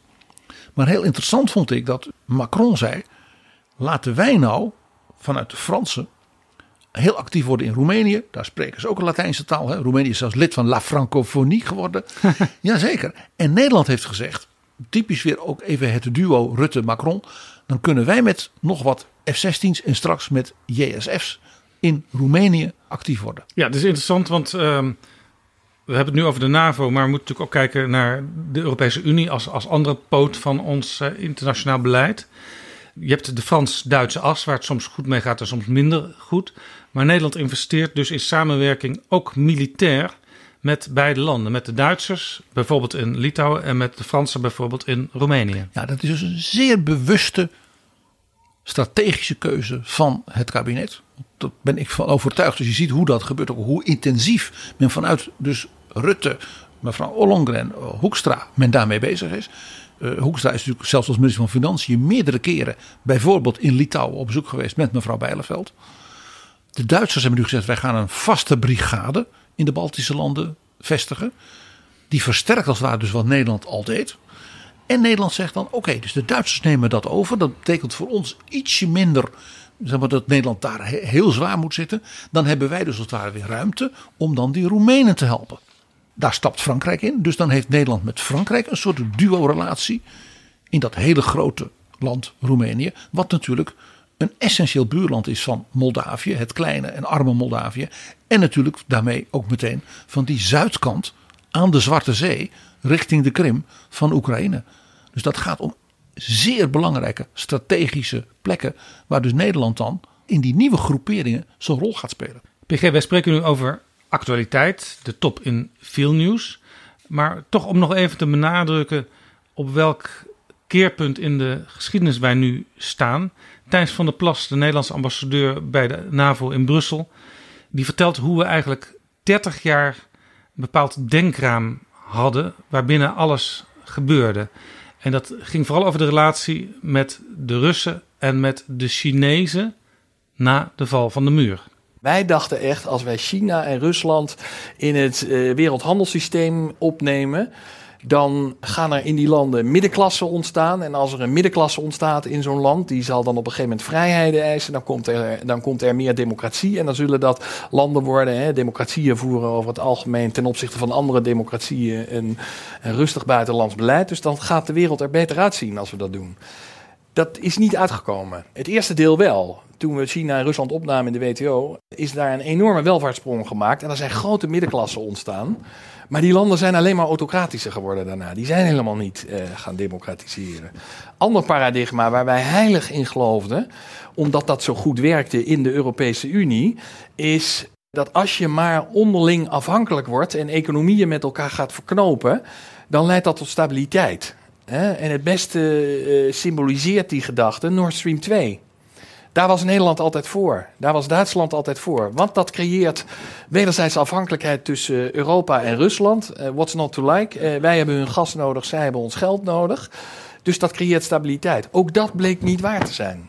Dus die paradigma's die kunnen naar de vuilnisbelt. En we moeten echt opnieuw gaan nadenken wat de aannames zijn onder het buitenlands beleid wat wij voeren. Thijs van der Plas, de ambassadeur in Brussel. Er is sprake, zegt hij, met een mooi woord, van een volledige paradigmawisseling in hoe wij als NAVO naar de wereld kijken. En Jaap, daarom is het ook zo goed dat men in Vilnius is. Want zal ik jou uit vroegere eeuwen eens een paar paradigmawisselingen vanuit Vilnius en Litouwen vertellen? Altijd interessant, PG, om meer te horen over Vilnius. Want daar zit niet voor niets de NAVO deze dagen. En het is weer zo'n stukje Midden- en Oost-Europa waar wij misschien veel te weinig van weten en beseffen hoe bijzonder en hoe rijk dat verleden is. Hoi, ik ben Alexander Klupping. Ik weet dat jij, net als ik, met heel veel plezier luistert naar betrouwbare bronnen. Maar je zou Jaap en PG echt helpen als je nu vriend van de show wordt. Dat kan met een donatie per maand of per jaar. En dan kunnen ze nog veel meer afleveringen maken en zeg nou zelf, dat wil jij ook. Dus ga nu naar vriendvandeshow.nl slash bb en doe het niet straks, maar nu. Jaap Jansen en Pieter Gerrit Kroeger duiken in de politieke geschiedenis. Jaap, wij kennen deze stad, de hoofdstad van Litouwen, uit het jaar 1323. Want groothertog Gediminas stuurde een brief naar allemaal steden in Duitsland. Groothertog Gediminas. Ja, dat betekent dus dat, dat Vilna, wat nu Vilnius heet, dus al een hele tijd bestond. Dat daar een groothertog dus een kasteel had en daar regeerde. En uit die brief blijkt dat Litouwen en Vilna onder zijn leiding in een periode van grote bloei en expansie doormaakten. Want in die brief stuurde hij naar de burgemeesters, ik zal maar zeggen, van Nuremberg en Keulen. En ook naar paus Johannes de 22e een uitnodiging. U heeft vast heel veel onderdanen die nog wat van hun leven willen maken en die misschien nieuwe dingen willen proberen. Kom naar Vilna. Wij willen heel veel mensen uit Duitsland en ook van de paus. Als u jonge priesters heeft, we kunnen mensen gebruiken. En heeft daarbij zelfs nadrukkelijk aan die Duitse burgemeester gesteld. En de Joden zijn bij mij heel welkom. Zo komt Vilnius ineens de Europese geschiedenis binnen. Een opmerkelijke toevoeging dat de Joden zeer welkom zijn, maar dat hoor je niet altijd in die tijd. En dat je dat er nadrukkelijk bij zegt, dat betekent dus dat je zegt: ik wil het netwerk van de Joodse gemeenschap ook hier tot bloei zien komen. Want dit was natuurlijk eh, niet alleen maar, eh, ik zal maar zeggen, mensenrechten en wat een prachtige man deze groothertog was. Dat was hij vast wel. Maar vooral, hij wil dus Wilna enorm verder laten zich ontplooien. Er waren dus heel veel mogelijkheden. Dat was ook niet zo raar. Als je dus keek naar hoe Vilnius, hoe het ligt op de plek waar twee grote rivieren, daar in heel midden in Oost-Europa, tot diep doordringen, namelijk de rivier de Wilnia en de Neris, bij elkaar komen. Dus ligt precies op de plek, zoals veel grote steden, waar twee belangrijke rivieren elkaar raken. Heeft, heeft Vilnia wel gewonnen in de naamgeving van de, stad? Dat is zo. En daarbij kwam dat het ook nog omgeven werd door hele grote bosgebieden waar dus bosbouw kon ontstaan, waar dus ook scheepsbouw kon ontstaan. Oftewel, het was een plek met heel veel nieuwe economische mogelijkheden, ook door de ontwikkelingen natuurlijk in de middeleeuwse economie en technologie. Ik ben daar geweest, PG, in veel nieuws en ik herinner me inderdaad de groene omgeving. Dat is dus altijd ook zo gebleven. Wat ook opvallend was, dat was dus ook een economisch positief iets kunnen wij ons nu minder voorstellen, waren de zogenaamde wetlands. Het was dus ook heel modderig eromheen. Dat betekent dus, er was dus heel veel turf, zouden wij nu zeggen. En ik hoef jou nu uit te leggen hoe belangrijk dat was als energiebron. Nou, vrij snel na deze uh, uh, groothertog Gediminas kwam er een heel bijzonder duo aan de macht in Vilna. En blijkbaar was er een groot succes dus van dat beleid. Want uh, de nieuwe groothertog, namelijk Algirdas. En die werd in het Oekraïens Olgert genoemd, in het Poos Olgierd, dus in het Nederlands Olgert. Een hele bekende oude naam ook in Nederland. Die nam het over in 1345, dus een jaartje of twintig daarna. En die had twee voordelen. Ten eerste, dat was nogal een aanpakker, zal ik maar zeggen, die Olgert. En die had een jongere broer. Nou denk je, waarom was dat een voordeel? Dat is vaak rivaliteit. Die twee hebben daar nooit last van gehad. De jongere broer, dat was een beetje een diplomaat. die deed contacten met dus die Duitse steden en met de paus. En dan schreef hij brieven. En die hield dus de verhoudingen aan het Westen helemaal goed. En die burgers die kwamen, dus er waren goede contacten. Handel, kunst, cultuur, ging allemaal lekker. En dat betekent dat die oudere broer, die Olgert, die kon dus zich naar het oosten richten. Dat was, ik zei al, een aanpakker. Die ging dus even met de nieuwste troepen en technologie en oorlogstuig aan de slag. En die heeft in enkele decennia, want hij is ook nog heel oud geworden, een reusachtig imperium gebouwd. Hij veroverde het hele Baltische gebied en veroverde alles tot aan de Zwarte Zee bij de Krim. En daarmee werd Litouwen dus echt een groot land. Litouwen was het grootste land in vierkante kilometers van heel Europa. Echt waar? Ja, want dat was dus wat wij nu Moldavië noemen, Oekraïne, Wit-Rusland, de Baltische landen. De grens van zijn, uh, zijn oostgrens van het gebied wat hij veroverde, dat was 80 kilometer van Moskou. Om de hoek zou je tegenwoordig zeggen. Om de hoek. Daarbij had hij door dat hij met zo'n enorm koninkrijk. dat hij moest zorgen dat hij aan die randen tussen die grens en Moskou. dat hij daar sympathieke, van hem afhankelijke vazalstaten had. Je hoort al hoe opmerkelijk veel herkenbare dingen van nu we dus weer horen.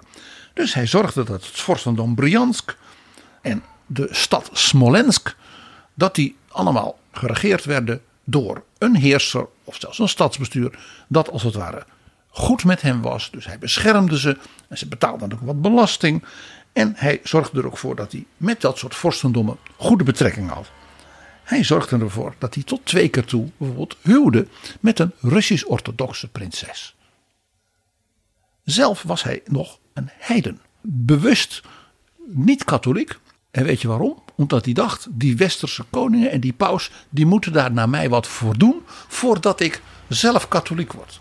Dus door te trouwen met zijn Russisch-orthodoxe prinses gaf hij richting de paus in West-Europa aan van ik kan ook een andere kant op. Zeker zin zei hij dus ik bin zu haben. Komt u maar. Want hij was natuurlijk zo machtig en had in zo'n korte tijd zo'n reusachtig gebied veroverd. Dat iedereen natuurlijk in heel Europa naar hem zat te kijken. En hij dacht, ik ben benieuwd wie het meeste biedt. Hij was dus een leider van een oorspronkelijk klein land, maar hij was zeer succesvol en dat werd een groot land. Je zegt al het grootste land toen in Europa. En daarom is dus de NAVO-top in Vilnius extra leuk. Want weet je wat hij onder andere deed? Uh, ja, als dan die vorsten van Smolensk en Bryansk en zo, zeg maar een tijdje uh, niet zo gehoorzaam waren, dan werd er een kleine expeditie gestuurd.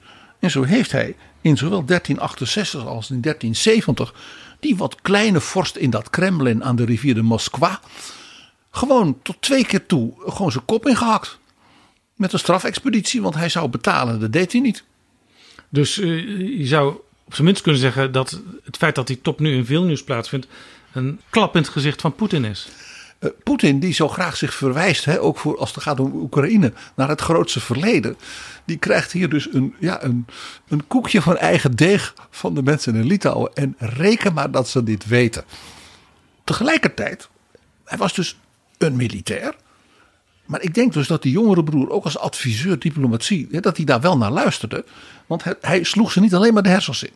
Hij zei dan tegen Moskou: nou, Oké, jullie hebben nu straf gehad van me, maar ik trouw weer met zo'n prinses. Of we maken nu weer een soort contract, zodat jullie dan weer wel betalen. Want hij wist dat die vorstendommen daar in Rusland hem nodig hadden. Want aan hun oostkant, daar heerste nog altijd de gouden horde van de Mongolen.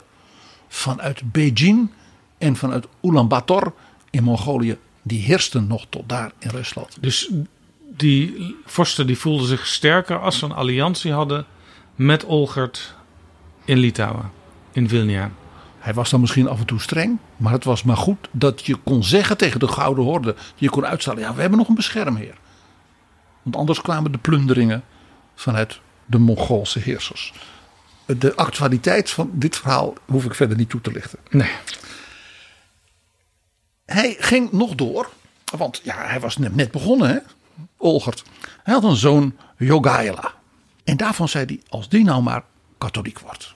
Dus die zoon mocht katholiek worden, want dat was de prijs die dus de paus vroeg voordat hij dan koning van Polen zou worden.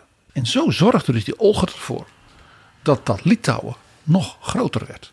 Want Polen en Litouwen werden onder leiding van die zoon die dus zijn vader daarna opvolgde toen die stierf. Dat was pas in 1377. Die man, heeft dus, die man is dus bijna, bijna, bijna 80 geworden.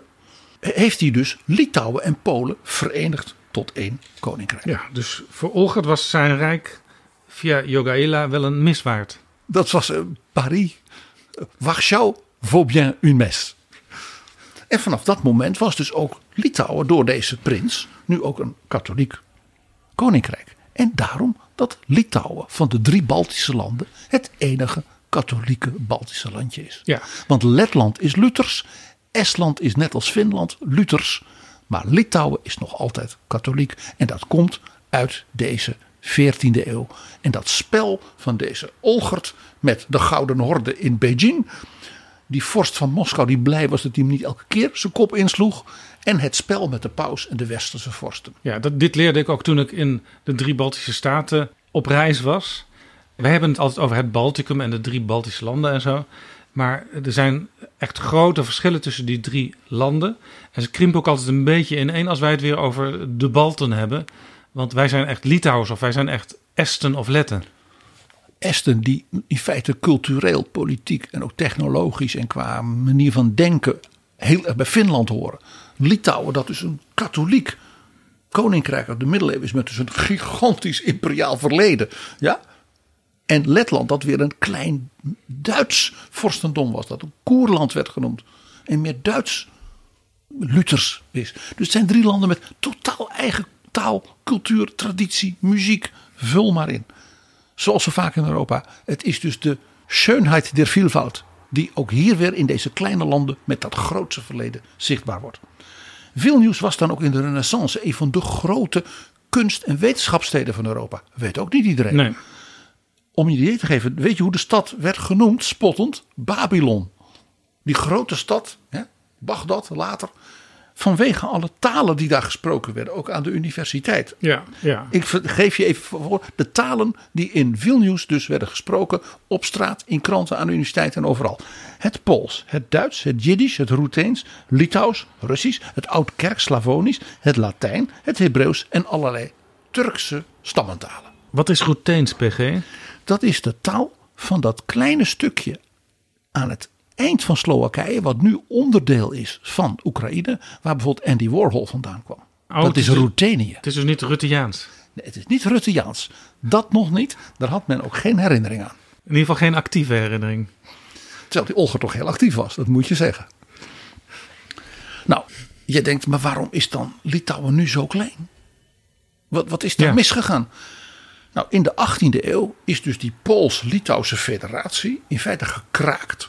Ook doordat men een, ik zal maar zeggen, wat middeleeuwse governance had, waarbij elke vorst en elke prins eh, van adel had dus een veto-stem in zeg maar, het parlement.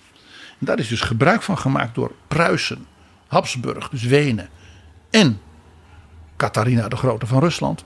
En die hebben dus in drie delingen, zoals dat heet, Polen in feite volledig opgeslokt. En nu snap jij dat toen in 1812 Napoleon met de Grande Armée, 600.000 soldaten, oprukte richting Moskou. Dat zijn laatste stop voordat hij Rusland binnenviel was Vilnius. En hij is daar binnengehaald als een god, als de bevrijder van dus de tsaren. Want zij zagen die tsaren eh, liever gaan dan komen. Ze hadden dat moeten accepteren. En nu kwam Napoleon. En ze dachten, dat is een moderne man, Franse revolutie. Wij kunnen weer iets moois gaan maken van ons land. En hij had Polen tot een nieuwe soort door de Fransen beschermde republiek gemaakt. En toen hij dus daar in Vilnius was, was Napoleon zo verbaasd dat hij zo werd bejubeld. Dat hij min of meer ter plekke heeft besloten: ik maak een nieuwe Litouwse federatie, die dan ook bij Polen een beetje hoort. Maar dan wordt Litouwen een onafhankelijke, moderne, democratische, min of meer republiek. Een paar maanden later kwam Napoleon terug En van die 600.000 man kwam nauwelijks 100.000 levend via Vilnius terug. En toen was het allemaal voorbij. En het tsaar nam het weer over. En dat hebben ze geweten. Uh, net als Polen uh, is Litouwen in de 19e eeuw echt met harde hand, met de knoet geregeerd. Ook omdat dus de tsaren natuurlijk zeiden van ja, zodra een West-Europees ruimdenkende vorst en ook nog Napoleon een katholiek hè, uit Corsica, dus uit Italië en Frankrijk, dan is Litouwen niet te vertrouwen. Zoals ook Polen dus om die reden zo werd onderdrukt. Ja, en later eh, onder Stalin werd Litouwen ook misbruikt en verkracht. Dat is verschrikkelijk geweest. Litouwen is na de Eerste Wereldoorlog, na de Vrede van Versailles, heeft zich uitgeroepen los van de tsaar. Is het een democratische republiek geworden. Heeft ook echt een goede, nette democratie gehad al die jaren. Is natuurlijk in het Molotov-Ribbentrop-pact gewoon verkocht. Uh, Hitler heeft gewoon gezegd van, nou ja, dat mag jij hebben. Dus Stalin heeft dus toen een, een verdrag gesloten met de regering van Litouwen. Dat zei, het Rode Leger zou hen beschermen. Jawel. Een half jaar later werd het gewoon overgenomen. Er zijn meteen tienduizenden mensen, vooral ook intellectuele bestuurders en dergelijke, uh, zijn gedeporteerd naar Siberië. Nou, bijna niemand heeft dat overleefd. Toen kwam de inval van de nazi's. Toen heeft men natuurlijk de zeer grote Joodse bevolking. Hè, dat was natuurlijk al, denk aan die aartshertog die in de 13e eeuw zei: laten de Joden hier komen. Dus Vilnius was een hele belangrijke Joods centrum van Joodse cultuur, Joodse wetenschap. Uh, er zijn in dat kleine Litouwen en in Vilnius meer Joden vergast en vermoord dan hier in Nederland. Dus dat was echt verschrikkelijk. En nou ja, na de Tweede Wereldoorlog was het dus opnieuw door Stalin.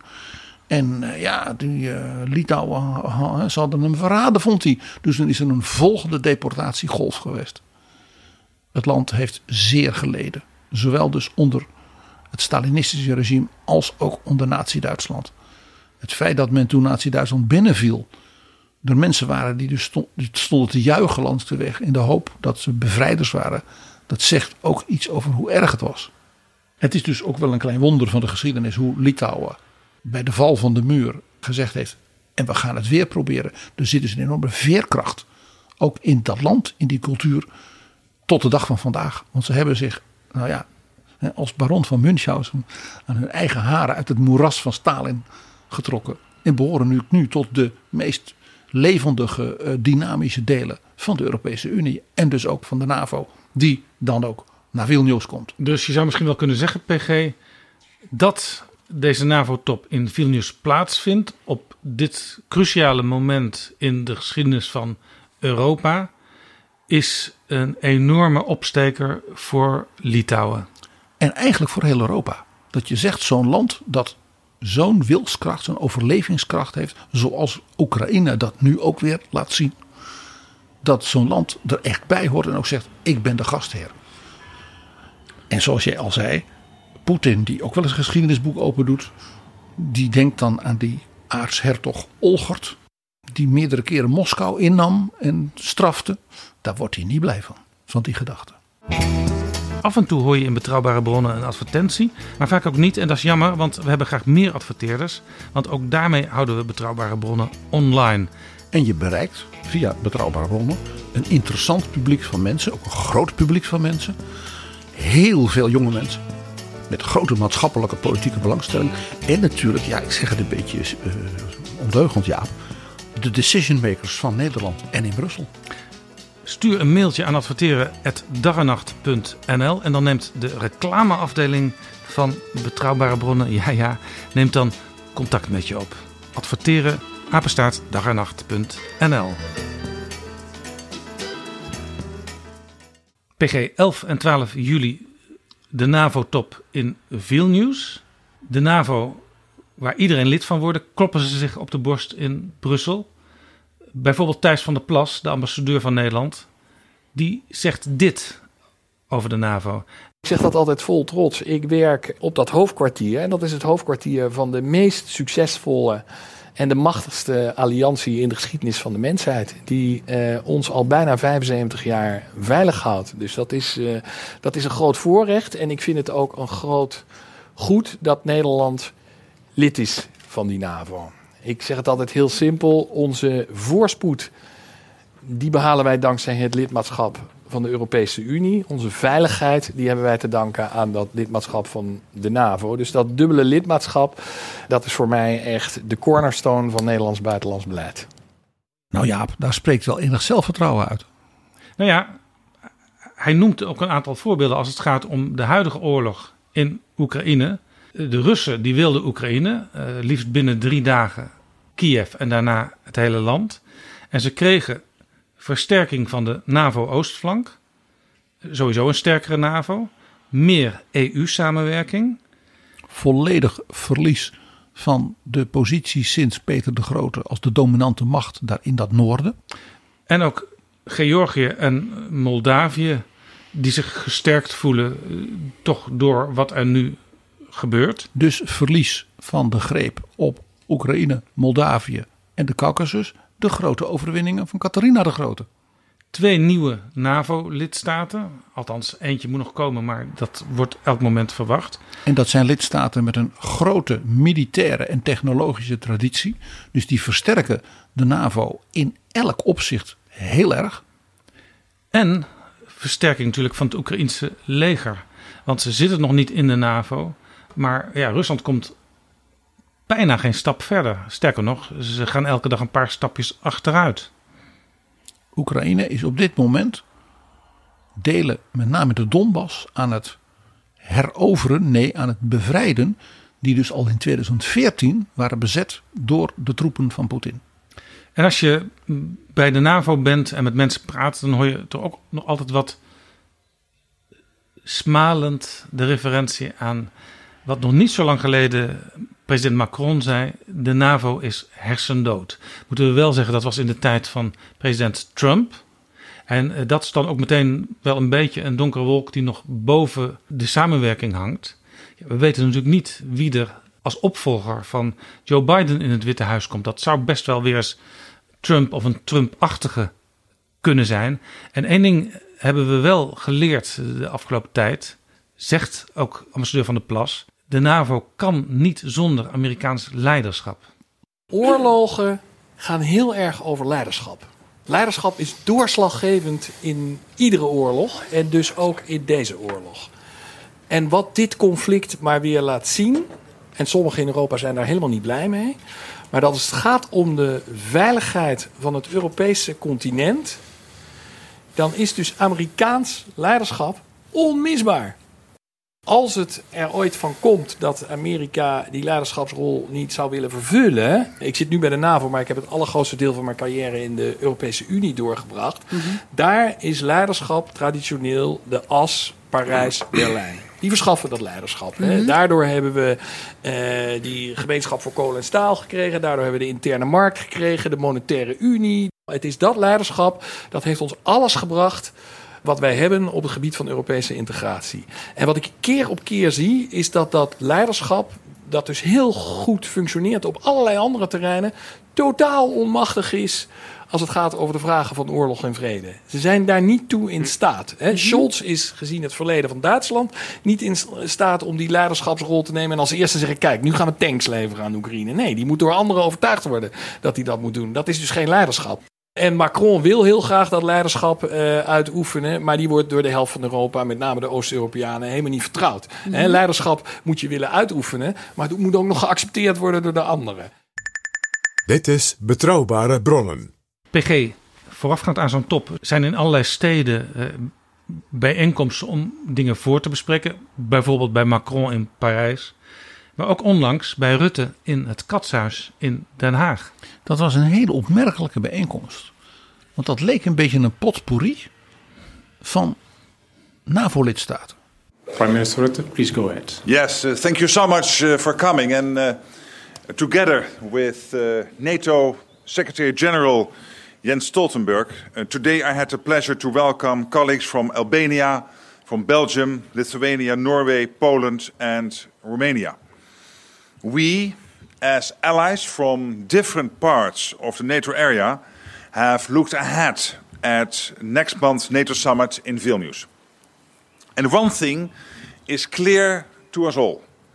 This will be a crucial summit, one that centers on the increased threat around the NATO area and the Russian war in Ukraine. Wat daar gebeurde was een soort inzeepsessie. In feite dat werken aan dat communiqué. Dus er waren verschillende lidstaten van verschillende opvatting. Het was dus niet een groepje gelijkgezinden. Rutte en de zeven dwergen. Nee, het was dus verschillende om als het ware al aan elkaar te snuffelen. Van oké, jij zit er zo in, jij meer zo. Eigenlijk al dat voorbereidende werk. Zoals die ambtenaren in Brussel dat ook doen. Ja, je hebt natuurlijk landen die ook eh, er nog niet zo lang in zitten. En die het dus ook wel interessant vinden om niet alleen aan die hele grote ronde tafel in Brussel eh, met elkaar te praten. Maar ook eens op wat intiemer niveau bij een regeringsleiders in een van de lidstaten. Ja, en ook dus gewoon dan iets meer ruimte ook nog voor bilaterale of met twee, drie. En ja, Rutte heeft dat zo overtuigend gedaan dat de premier van Albanië het zelfs nodig vond om de Nederlandse keuken te prijzen. Want hij had zo lekker gegeten. Dat is voor het eerst, denk ik, in de lange geschiedenis van de Nederlandse diplomatie. dat een buitenlandse regeringsleider Nederland prijst om zijn cuisine. Ja, en nog wel in het katshuis. Als ik vroeger een enkele keer op het katshuis mocht komen, dan zag ik achter de ramen altijd van die Saartje en Swiebertje gordijnen hangen. Van die rood-blauw geblokte dingetjes.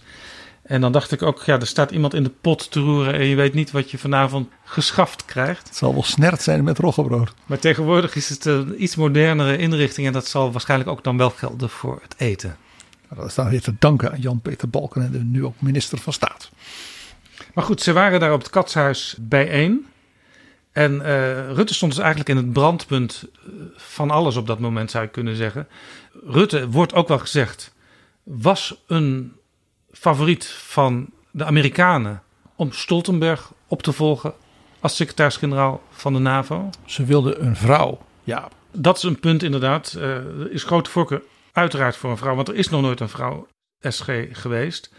Wel een premier trouwens, want er worden ook namen van ministers genoemd. Bijvoorbeeld een belangrijke naam die genoemd werd was Ben Wallace, de minister van Defensie van het Verenigd Koninkrijk.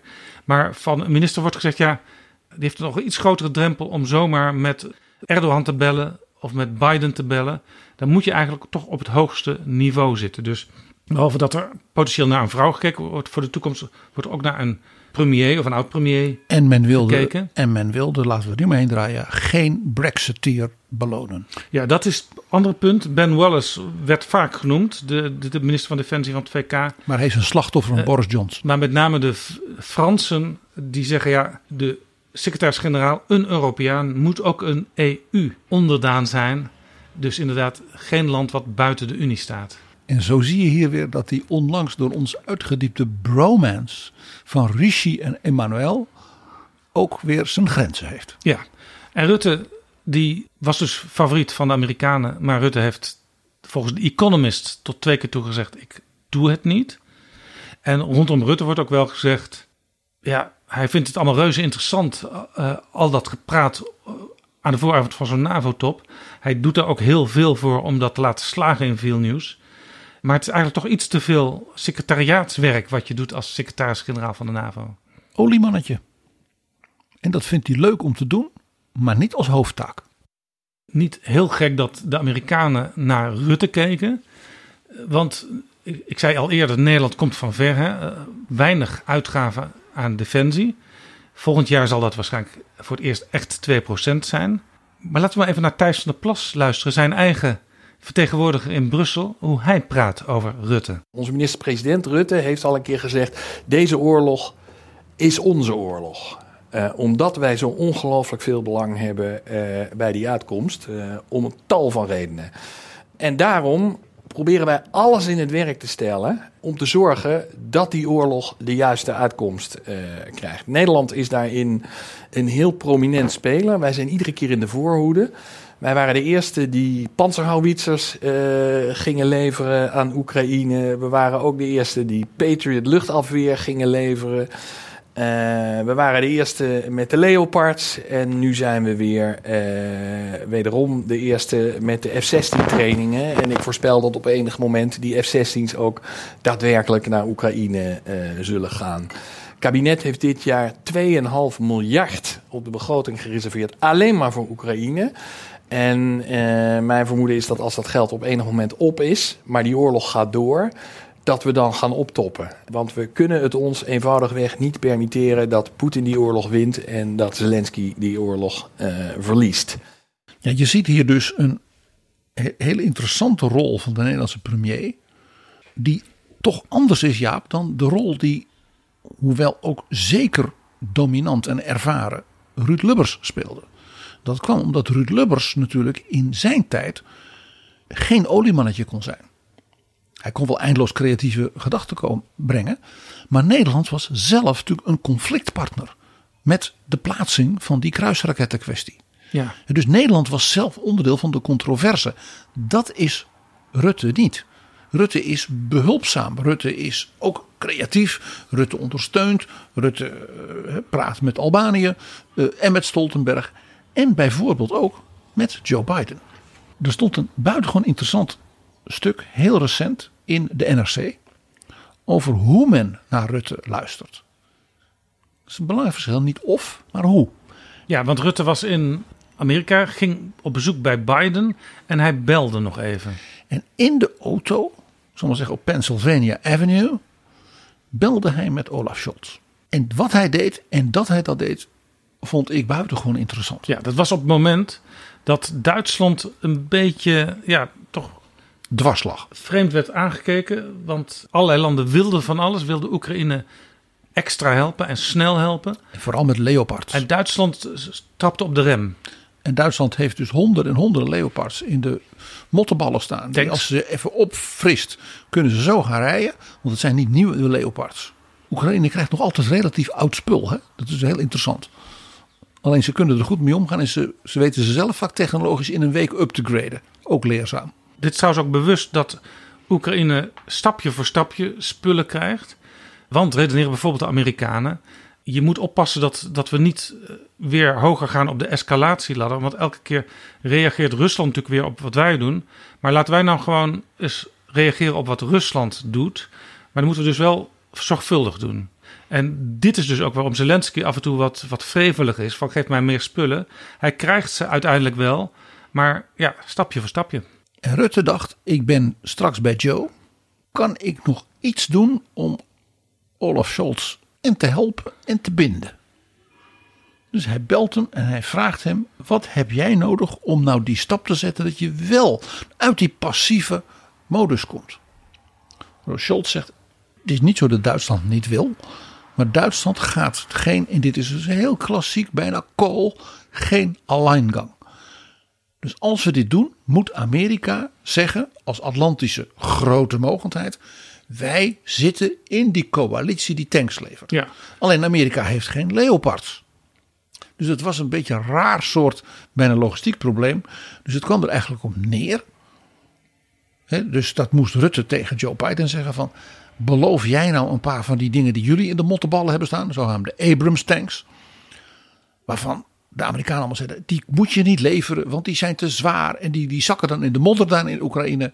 En Joe Biden, die is niet voor niks bijna 80. Die denkt, wat een gezeur. Ik ben de president van Amerika. Ik zeg gewoon dat ik die Abrams ga leveren... want dan kan Olaf bewegen. Ja, Dat snapt dus een man als Biden. Dat is dus interessant. De Amerikanen zagen eigenlijk praktisch niet zoveel nut in het eh, leveren van die Abrams tanks. Maar de Duitsers hebben juist die samenwerking met de Amerikanen nodig om hun eh, ja, transatlantische identiteit binnen de Europese gemeenschap zou je kunnen zeggen, om die toch te handhaven. En hier zie je dus opnieuw. En dus dat Rutte dat snapte door dat telefoontje. Dat dit dus niet vanzelf gaat en soepel en ongedwongen tussen Parijs en Berlijn. We zijn hier weer bij het thema wat wij vaker hebben behandeld. De moeizaam geworden relaties tussen Parijs en Berlijn. En tegelijk dus voor Joe Biden ook weer een teken, eh, dit handelen van Rutte, van eh, deze man kan het. Deze man zal ik nog wel vaker nodig hebben. Zoals Obama dat dan vaak via Merkel deed. Want die wist, Merkel praat dan met Sarkozy, Merkel praat met Macron, met haar gezag, dan komt dat goed. En Merkel is weg, dat merk je hier ook aan. Het is dus ook geen toeval dat Rutte tijdens dat bezoek bij Biden twee dingen nog gedaan heeft. Eén, overigens, Mr. President, wij gaan met Duitsland samen, net als nu met die tanks, het initiatief nemen om Kiev die Patriots te leveren. Waarop Biden zei: U heeft mijn volle steun. Dat was dus een heel belangrijk signaal. Ook weer, ook weer dus voor Olaf Scholz. En dat Biden zei: Ik ga Nederland als een gelijkwaardige partner betrekken. bij de confrontatie die we toch echt met China gaan krijgen. Met Japan. Rondom, ik zal maar zeggen, ASML. En dat was natuurlijk een heel belangrijk iets. Dat is ook eigenlijk weer zo'n kleine groepering hè, binnen het Westers Bondgenootschap. van landen die een gezamenlijk thema hebben. waarin ze dus voorop lopen en een bijzondere rol spelen ten opzichte van een ander. De coalitie Verenigde Staten, Japan, Nederland. Dat heeft Biden daar toen in feite met Rutte afgesproken. En daar zie je dus dat Nederland in dit hele gebeuren. rondom die top van de NAVO in veel nieuws op nog veel meer terreinen nu moet schakelen en ook moet schaken en moet leveren dan we wij 25 jaar geleden, laat staan 50 jaar geleden, konden denken. Dankjewel, PG.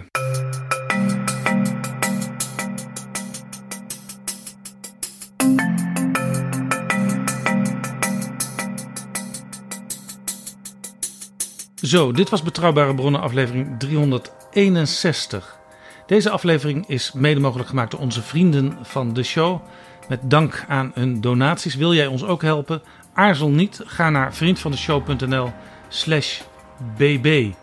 PG, dit was voorlopig de laatste aflevering van dit seizoen. Er volgt er nog eentje rond 1 augustus. We hebben altijd een verrassing. En daarna starten we seizoen 6. Dat zal in de laatste week van augustus zijn. PG, laten we drinken op het afgelopen seizoen. En dat doen we op weg naar Vilnius met een glaasje wortelsap. Want dat is de nationale drank die ik daar, toen ik daar was, gedronken heb. En hoe smaakte dat, Jaap? Dat ga jij nu meemaken. Proziet. Proziet. En een fijne zomer. En ik wens jou alle goeds. En ik wens onze luisteraars alle goeds. En ik hoop dat er in die zomer nog heel veel meer vrienden van de show bijkomen. En men zal wel snappen dat Jaap en ik al allerlei plannen en ideeën en thema's en zelfs series hebben van onze podcast in dat nieuwe seizoen. You ain't seen nothing yet, zou Ronald Reagan zeggen. En mocht je denken, het duurt al erg lang voordat ze weer met nieuwe afleveringen komen. Er zijn natuurlijk heel veel afleveringen gemaakt, 361 in getal nu. Dus ben je wat later ingestapt, dan zijn er vast nog hele interessante afleveringen waar je nog heel veel van kan leren en misschien nog wat plezier aan kan beleven. Een hele goede zomer. Als je op vakantie gaat, een fijne vakantie en tot volgende keer. Betrouwbare bronnen wordt gemaakt door Jaap Jansen in samenwerking met dag en nacht.nl.